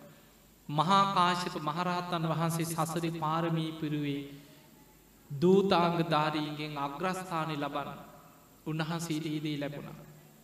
පුංචි රාහුල හාමුදුරුව සසරි පාරමී පිරුවේ බුදුවෙන ආත්මී බුදු හාමුදුරුවන්ගේ ගිහි කල පුට්‍රරත්නය බවට පත්වෙන. සික්ෂාකාමී භික්‍ෂූන් වහන්සේලාගෙන් අග්‍රස්ථාන ලබන ඒක උන්වහන්සේට ලැබුණ. හැබැයි බක්කුල මහරහතන් වහන්සේ සසරි පාරමී පිරුවේ නිරෝගි සම්පත්තියෙන් අග්‍රස්ථානය ලබන. කුඩා වූද මහත් වූද රෝගයක් මට මං ගැන අහන්නවත් නොලැබේවා කියන ප්‍රාර්ථනය. මේ බක්කුල මහරහතන් වහන්සේ අවුරුදු එකසිය හැටක් වෙලක් බොහෝම කාය සම්පන්න කායි ශක්ති ඇති තරුණ සුරූපයේ වයසට ගිය කයක් නෙමේ උන්වහන්සේට තිබුණේ. උන්වහන්සේට හොඳ කාය ශක්තියක් තියෙනවා. උන්වහන්සේ භාවනා කරනකට දැක්ක දැම්මට වයි සවුරුදු එකසේ හැටයි. පිරිනිවන් පාන්න දැන් දිනේ හරි. කොහොමද මම පිරිනිවන් පාණි කියල උන්වහන්සේ බැලු. උන්වහන්සේගේ ජීවිතයේම ආපස්සට මෙනෙහි කරන්න. කවම දාවත් පැවිදි ජීවිතය අවුරුදු අසුවටම මට මේ දේ කරලා දෙන්න මට මේක ගෙනත් දෙන්න අනේ මට මේක උදව් කරන්න. කාගෙන්වත් උදව්වක් උපස්ථානයක් ලබලත් නෑ ඉල්ලලත් නෑ.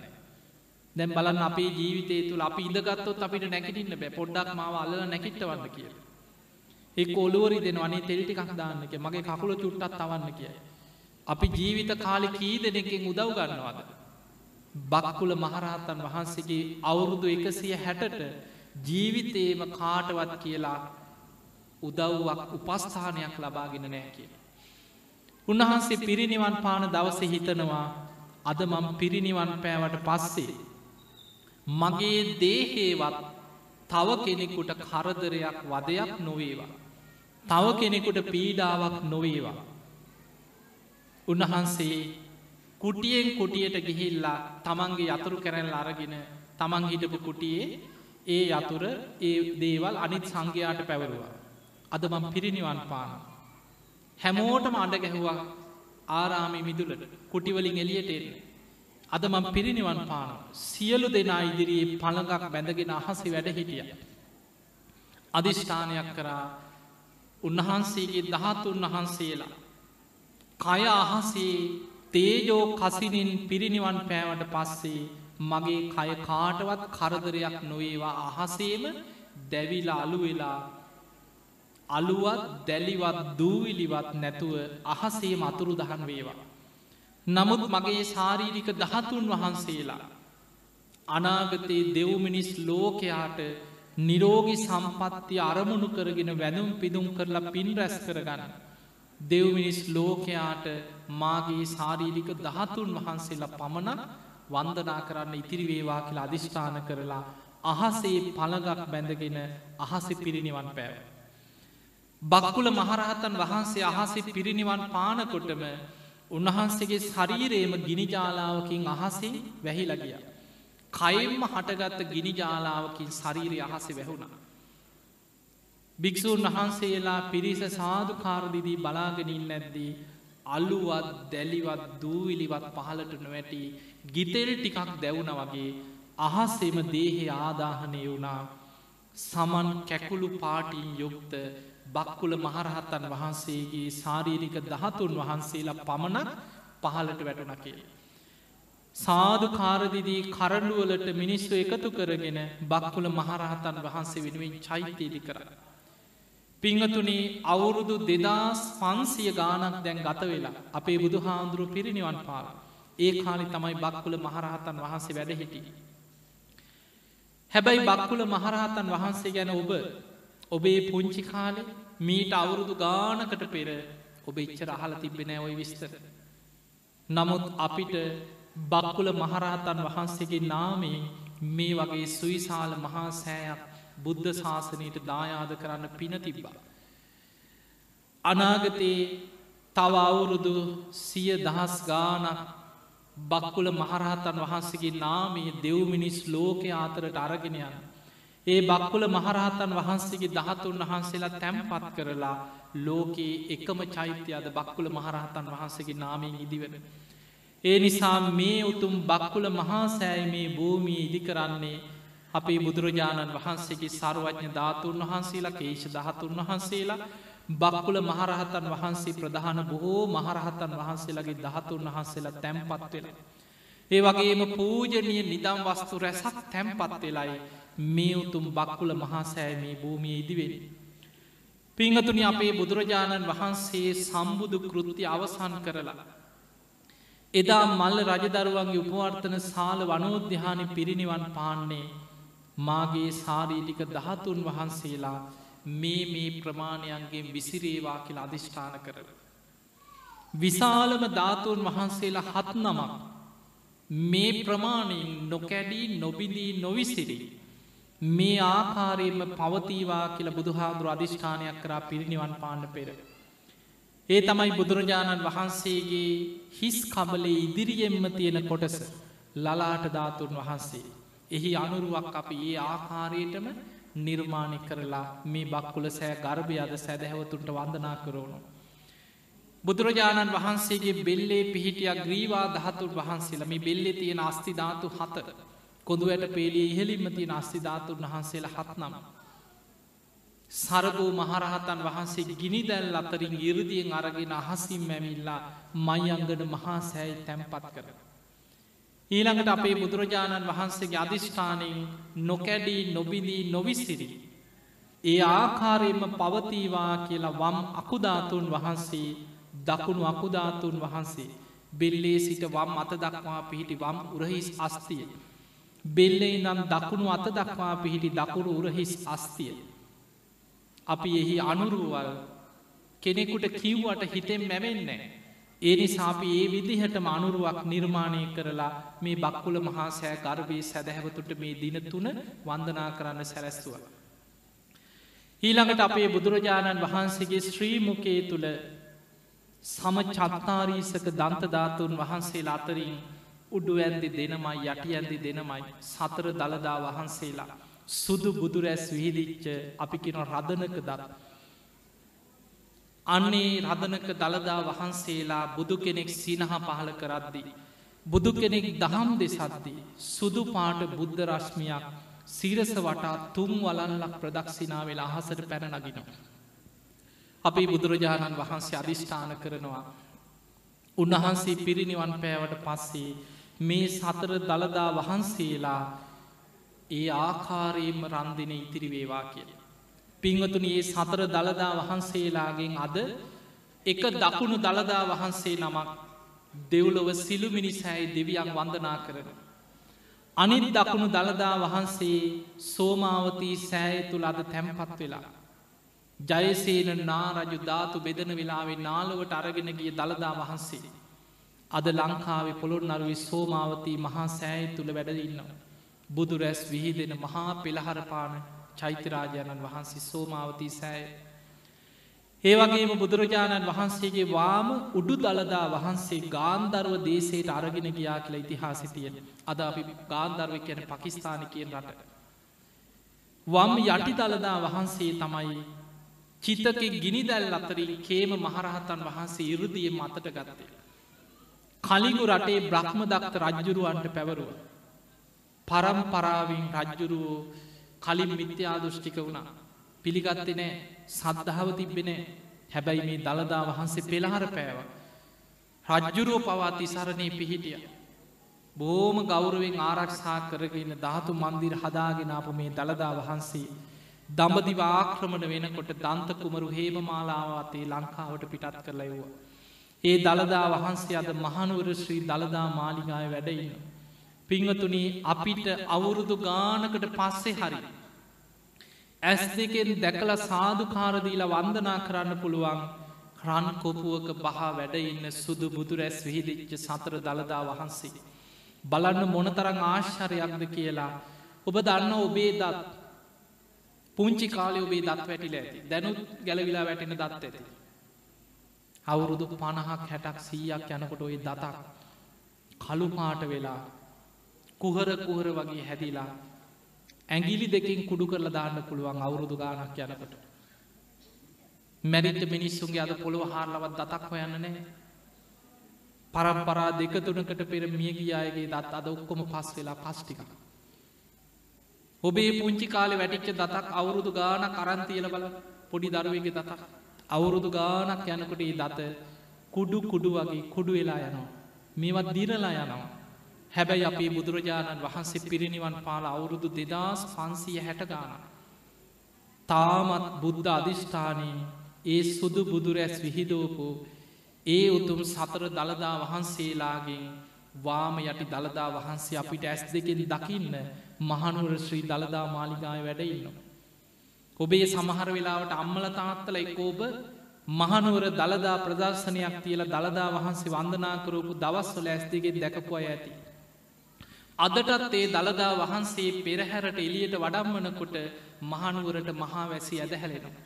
මහා පෙළහරපානයේ දළදා වහන්සේ අදටත් මහා පුදුම ප්‍රාතිහාර පාමින් වැඩයි. ඊළඟට පින්වතුනේ ඔබ බලන්න මේ ගමේ නගර එක මේ රටේ කොහේ ඇවිද්දත් මේ අපි දකින ඇස් දෙකෙන් දකින හැම ගහක්ම අවුරුදු පණහක් හැටක් විස්සක් තිහක් උපරිම අවුරුදු සීයක් දෙසියක් ඇති. අවුරුදු දෙදාහක දෙදස් පන්සීයක ගහක් හොයාගන්නනය අපිට කොහෙවත්. හැබැයි මහනු අනුරාධපුරේ මහමය වුණා වයනේ අපේ බුදුරජාණන් වහන්සේ මවකුසින් බිහිවෙනකොට වජිනාස්සනින් පහළවෙච්ච ඇසතු බෝධයේ ඒ බෝ අංකුරේ යැනෙ සහජාත වස්තුවක්. ඒ බෝධීම දක්ෂින සාකා බෝධීන් වහන්සේ තමයි මහමි වුණා උයනෙ වැඩයි. අදටත් අවුරුදු දෙදස් හයසිය ගානක් දැන. බුදුවෙලත් දෙදස් හයිසිය පහුණ. එතකට බුදුරජාණන් වහන්සේ මවකුසින් බිහි වෙනකොටම පහළ වෙච්ච බෝධයේ දක්ෂින සාකාව. අදටත් ඒ ප්‍රමාණින්මයි. ඔබ මීට අවුරුදු සීයකට එකසිය පණහකට එහා ජයශ්‍රී මහ බෝධී පින්තුරයක් හොයල බලන්න. ඒ ප්‍රමාණයෙන්මයි. ඒ බෝධීන් වහන්සේ විශාල වෙන්නෙත් නෑ. හැබැයි ඒ බෝධියම බොවංකුරයකින් හටගන්න බෝධීන් වහන්සේ විශාල වෙලා අවුරුදු පණහක් හැටක් යනකොට අතු දිරල අපවත් වෙලත් ඉවර. මහා පෙළහර පාමින් බුද්ධ අධිෂ්ඨානත් එක්ක අවුරුදු දෙදස් ගණනක් දෙව් මිනිස්සුගේ වන්දනා ලබමින් ඒ ජයශ්‍රී මහා බෝධී දක්ෂින සාකා බෝධීන් වහන්සේ අපේ රටේ වැඩඉන්න. එනිසා පිංවතුනේ අපි මේ මනුස්සලෝක ඉන්නේ බුද්ධ ශාසනයක් පවතින කාලෙක. බුදුරජාණන් වහන්සේගේ ධාතුන් වහන්සේලා වැඩඉන්න කාලික. අපේ බුදුරජාණන් වහන්සේ පිරිනිවන් පාන්න කලින් ආනන්ද හාමුදුරුව පිරිනිමන් වංචකේ වැඩඉන්න ඇති වන්දනා කරලා කියනවා අනේ සාමීනී භාග්‍යතුන් වහන්ස. ඇයි මේ පුංචි නගරයක් පිරිනිවන් පාන්න බුදු හාන්දුරු තෝරගත්තේ. චම්පා රාජගහ විශාලා මහනුවර සැවැත් නුවර වගේ විශාල නගරක නින්නේ පිරිනිවන් පාන්න ඕනේ. බුදුරජාණන් වහන්සේ වදාලා ආනන්දය කුසිනාරාව පුංචි නගරයක් කියලා අවමං කරන්න එපා. මීට පෙර තතාගතයන් වහන්සේ මහා සුදස්සන නමින් සක්විති රජකං කරපු ඒ මහා සුදස්සන සක්විති රජ්ජුරුවන්ගේ කුසාවති රාජධානය පිහිටපු භූමියමේ. ඒ වෙලේ ආනන්ද හාමුදුර අහනවා ස්වාමීණී තතාගතයන් වහන්සේ පිරිනිවන් පාපු හම. අපි කොහොමද ශ්‍රී දේහයේ සම්බන්ධයෙන් කටයුතු කරන්න. අන්න එතනති බුදුරජාණන් වහන්සේ වදල ආනන්දය රාජරාජ මහා මාත්‍යවරුන්ට ඒ කාරය පවරන්න. ආනන්දය බුදු කෙනෙක් පිරිනිවන් පෑවට පස්සේ සක්විති රජ කෙනෙක්ගේ ශරීරයක් ආදාහනය කරන විදිහට. අලුත් සිවුරු පන්සීයකින් කපුකොළුම් පටල පන්සියකින් ඔතලා. රන් දෙනක තැම්පත් කරලා සඳුන් චිතකයක් තුළ ආදාහනය කළ යුතුයි කියල. එදා අපේ බුදුරජාණන් වහන්සේ සම්බුදු කෘත්‍ය අවසන් කරලා. අවසාන වසයෙන් සංඝයාට බුදුරජාණන් වහන්සේ බුද්ධ වචන දේශනා කරන්න පෙර පිරිනිවන් මංචකේදි බුදුරජාණන් වහන්සේ වදාලා ආනන්දය චෛත්‍යය ඉදි කරලා වන්දනා කළ යුතු පුද්ගලයෝ හතර දෙනෙක්කින්නවා. ලෝතුරා බුදුරජාණන් වහන්සේලා වෙනුවෙන් චෛත්‍ය හදල ලෝකෙ වන්දනා කරන්න සුදුසුයි. මහරහතන් වහන්සේලා වෙනුවෙන් චෛත්‍ය ඉදි කරලා උන්වහන්සේලාගේ නාමෙන් වන්දනා කරන්න සුදුසුයි. පසේ බුදුවරු පහළ වෙන කාලවල මේ කාල නෙමේ පසේ බුදුරු පහළවෙෙන බුද්ධ ශූන්‍ය කාලවල. ඒ කාලවල පසේ බුදුවරු වෙනුවෙන් චෛත්‍ය ඉදි කරන්න සුදුසුයි. දෙතිස් මහා පුරුෂ ලක්ෂණ ඇතුව ලෝකේම සිල්වත්ත පාලනය කරන මහා පින් ඇති සක්විති රජවරු ලෝකෙ පහළ වෙච්චහම ඒ සක්විති රජවරු මිය ගියාට පස්සේ. ඒ අය වෙනුවෙන් චෛත්‍ය හදන්න සුදුසුයි කියලා තූපාර පුද්ගලයන් දේශනා කර. අනාගතයේ බුදුහාමුදුරු පිරිනිවන් පෑවට පස්සේ ධර්ම විනේ ශාස්තෘත් හැටියට පිළිගන්න කියලා ධර්ම විනේ ශාස්තෘූ තනතුරට පත් කර. අවසාන වසයෙන් සංඝයා දිහා බලල බුදුරජාණන් වහන්සේ වදාලා මහනෙන නුඹලාට ධර්මී ගැන විනේ ගැන ප්‍රශ්නයක් තියෙනවා නම් දැන් අහන්න කාලයයිකි. පස්සේ පසුතැවෙන්න එපා. අනේ බුදුරජාණන් වහන්සේ පිරිනිවන් පෑවා. මට මේ වගේ ප්‍රශ්නයක් තිබ මට අහගන්න බැරි වුනා කියලා මහනෙන නුඹල පස්සේ පසුතැවෙන්න එපා. දැන් අහන්න අවස්ථාව. කවුරුත් බුදුහාදුරන්ගේ ප්‍රශ්නහන්නේ. මහනෙන නුබලාත් ගෞරවෙන් නම් ප්‍රශ්න අහන්න නැත්තේ. ළඟඉන්න කෙනෙක් මාර්ගෙන් හරි ඔබේ ප්‍රශ්න යොමු කරන්නක බලන්න කරුණාව පිරිනිවන් පාන මොහොතේ අන්තිම වෙලාවෙත් සංඝයාගේ ධර්ම ගැටලුවක් විසඳලයි අපේ බුදු හාදුරු පිරිනිවන් පාන සූදානන් වෙන. ඒ වෙලේ එතන හිටපු දිවැස්ලාබීන් අතර අග තැන්පත් අනුරුද්ධ මහරහතන් වහන්සේ කියනවා සාමීනී භාග්‍යතු වහස මෙතන වැඩඉන්න සියලු දෙනා සැකයෙන් එතර වෙච්චාය. ඒ අයට ධර්මී ගැන ගැටලුවක් නෑ. බුදුරජාණන් වහන්සේ ඒ මොහොතේ සංඝයාදිහා බලලා අවසාන බුද්ධ වච්චනය වදාල්. හන්දදානි භික්කවේ ආමන්තයාමි මහනෙන අවසාන වසයින්න බල අමතන. වයදම්මා සංකාරමේ සියලු සංස්කාරයන් අනිත්‍යයි. මේ හැමදේම හටගෙන පැවතිලා නැතිවී යන ස්භාවින් යුක්තයි. අපපමාදීන සම්පාදීත නුඹල අප්‍රමාදීව කුසල් වඩන. එදා බුදුරජාණන් වහන්සේ සංඝයා දිහා බලාගෙන දෑස් පියාගෙන ඔය බුද්ධ වච්චන ප්‍රකාශ කරලා පළවෙනි දිහානයට සමවැතුන. දෙවනි දිහානයට සමවැතුන. තුන්ගෙන දිහානයට හතරවෙනි දිහානයට සමවැතුන. බුදුරජාණන් වහන්සේ මේ විදිහට හතරවෙනි දිහානයට සමවැදිල ආකාසානංචායතන විඤ්ඥානංචායතන ආකින් චඥායතන නීව සංඥා නාසඥායතනකින් අරූප දිහානයට සමවැදෙන. නිරෝධ සමාපත්තියට සමවදිනවා සමගම උන්වහන්සේගේ ආශාස ප්‍රශ්වාස මේ ශරීරි ගල් ගෙහිල වගේ හුස්ම නතරුණ. ආනන්ද හාන්දුරික පාරට අඩන්නගත් අනේ බුදුරජාණන් වහන්සේ පිරිනිවන් පෑවා කියලා. ඒ මොහොතේ අනුරුද්ධ මහරහතන් වහන්සේ දිවසිම් බලල කියන ආනන්ද තාම බුදු හාන්දුරු පිරිනිවන් පාලනෑ. ඔය නිරෝධ සමාපත්තියට සමවැදුන විතරයි. නිරෝධ සමාපත්තිය මොහොතක් වැඩහිටිය බුදුරජාණන් වහන්සේ සමාපත්තිය කින්නෙ අඩු කරගෙන අඩු කරගෙන ආයමත් පළවෙනි දිහානයට එනකන් සමවැදුන. පළවෙනි දිහානෙන් දෙවනි දිහානයට දෙවනි දිහානයෙන් තුන්ගනි දිහානයට තුන්ගනි දිහානයෙන් හතරවෙනි දිහානයට සමවැදිලා හතරවෙනි දිහානයෙන් නැගේ සිටිනවා සමගම එදා මල්ල රජතරුවන්ගේ උපවර්තන සාල වනෝද්‍යානයේදී ඔබත් මමත් සරණගි අපේ බුදුරජාණන් වහන්සේ අනුපාදිශේෂ පරිනිර්වාණ දහත්වෙනි පිරිනිවන් පාවදාල්. උන්වහන්සේගේ අවසන් සුසුම් පොද හිස් වාතලයට මුසුවෙලා ගිය. දස දහසක් ලෝක දහතුවල දෙවිවරු අහසේ ඉඳගෙන දෙවියන් අහසේ දම් මදාරාමල් ලිහිමින් සක්‍ර දෙවියන් අහසේ ඉදං ගාථාවක් කියන අනිච්චාවත සංකාරා උපාද වය දම්මිනෝ. උපපජ්ජිත්වා නිරුජ්ජන්තී තේ සංරූප සමෝසුකෝ. මේ සියලු සංස්කාරයක් අනිත්‍යයි. හැමදේම හටගෙන පැවතිලා නැතිවී යන ස්භාවින් යුක්තයි. මේදේ අවබෝධ කර ගැනීම මයි සැපේ. මහා බ්‍රහ්ම දෙවියනුත් අහසේ ඉදං අනිත්‍ය ගැන ගාථාවක් කියා හිටිය.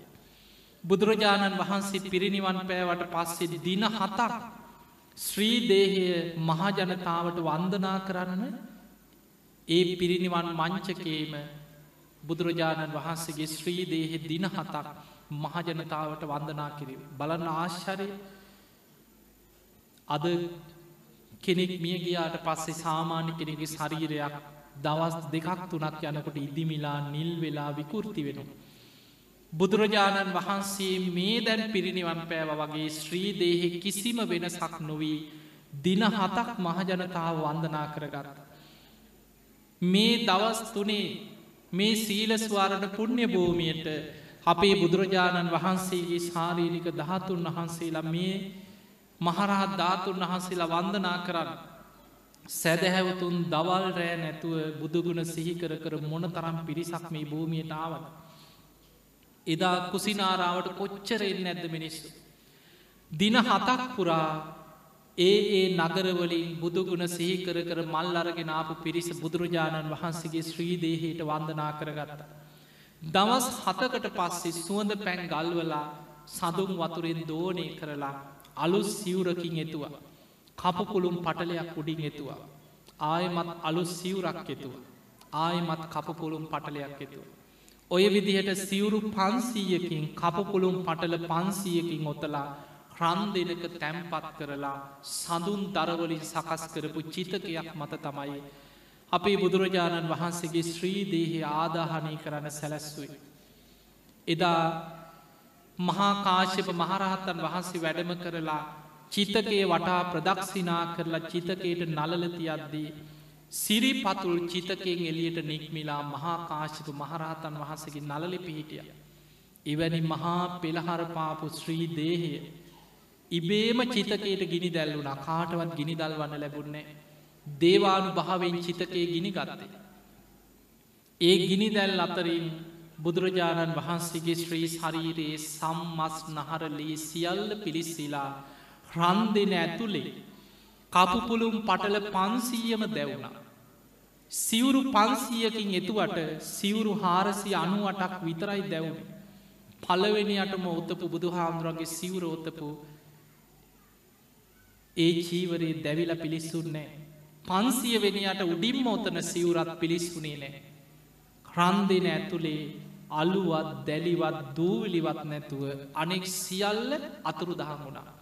අර සිවුරු දෙක අතරි බුද්ධ අධිෂ්ඨානය මත දහතුන් වහන්සේලා පමණක් ඉතිරි වුණා.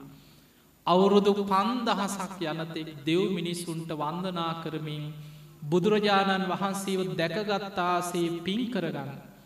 මාගේ සාරීරික දහතුන් වහන්සේලා මේ මේ ප්‍රමාණයන්ගෙන් වැඩ සිටිත්වා කියලා අධිෂ්ඨාන කරේ. ඒ අතර මුම් පියලි ප්‍රමාණයට සර්වඥ අස්තිධාතුන් වහන්සේලා බිඳිල බිඳල ගියා බුද්ධ අධිෂ්ඨාන. කඩ සහල් ප්‍රමාණයට බිඳී බිදී කියා දහතුන් වහන්සේ. අබෑට ප්‍රමාණයට බිඳිල ගිය. විශාලම ධාතුන් වහන්සේලා හත් නමක් නොකැඩී නොබිදී නොවිසිරී තිරි වුණ. මේ උත්තම ධාතුන් වහන්සේලා තමයි එදා ද්‍රෝණ බමුණා රන් නැලියකින් ද්‍රෝණ අටකට බෙදලා රජවරුන්ට ලබාදුන්. සක්‍ර දෙවියන් අහසිරි සාධකාරදිදී දකුණු දළදා වහන්සේ දෙව්ලෝට අරගෙන ගිය. අද මේ වෙනකොට දෙව්ලොව සිලු මිනිසෑයි මහා බෝසතාණන් වහන්සේගේ කේෂ දහත තැම්පත්තුච්ච සිලු මිනිසෑයි දකුණු දළදා වහන්සේ දෙවියන් වදිනු. වම් අකුධාතුන් වහන්සේ බඹලව සලු මිනිසෑයි. මහා බෝසතාණන් වහන්සේගේ ගිහි වස්ත්‍රයුගල තැම්පත් කරලා ගටීකාර බ්‍රහ්ම දෙවියම් මවපු සලු මිනිසෑයි වම් මකුධාතුන් වහන්සේ දෙව් බමුන් වදිනවා. නාගලෝකේත් නාගයන් දහතුන් වහන්සේලාට බොහෝම සද්ධාවෙන් මැනුම් පිදුම් කරනවා. අද මනුලුව කොච්චරනං මහා සෑයවල් ඉදිකරලා චෛත්‍ය ඉදිකර කර බුදුරජාණන් වහන්සේගේ ගුණ සිහි කර කර මිනිස්සු කොයි තරම් පුද පූජා පවත්වනවත්. ඒ නිසා පින්වතුනී බුදුගුණ අනන්තයි. බුදුගුණ අචින්තියයි. අචින්තියේසු පසන්නානම් විපාකෝ හෝති අචින්තියෝ. ඒ අචින්තිය බුදුගුණ ගැන හිත පැහැදුනොට ලැබෙන විපාකයක් අචින්තියයි. තින් එහෙමනං ඔබ හැම දෙනාටම උතුරු නිවන් අවබෝධය පිණිසම මේ පින ආශිර්වාදයක් වේවා කියලාශිර්වාද කරන.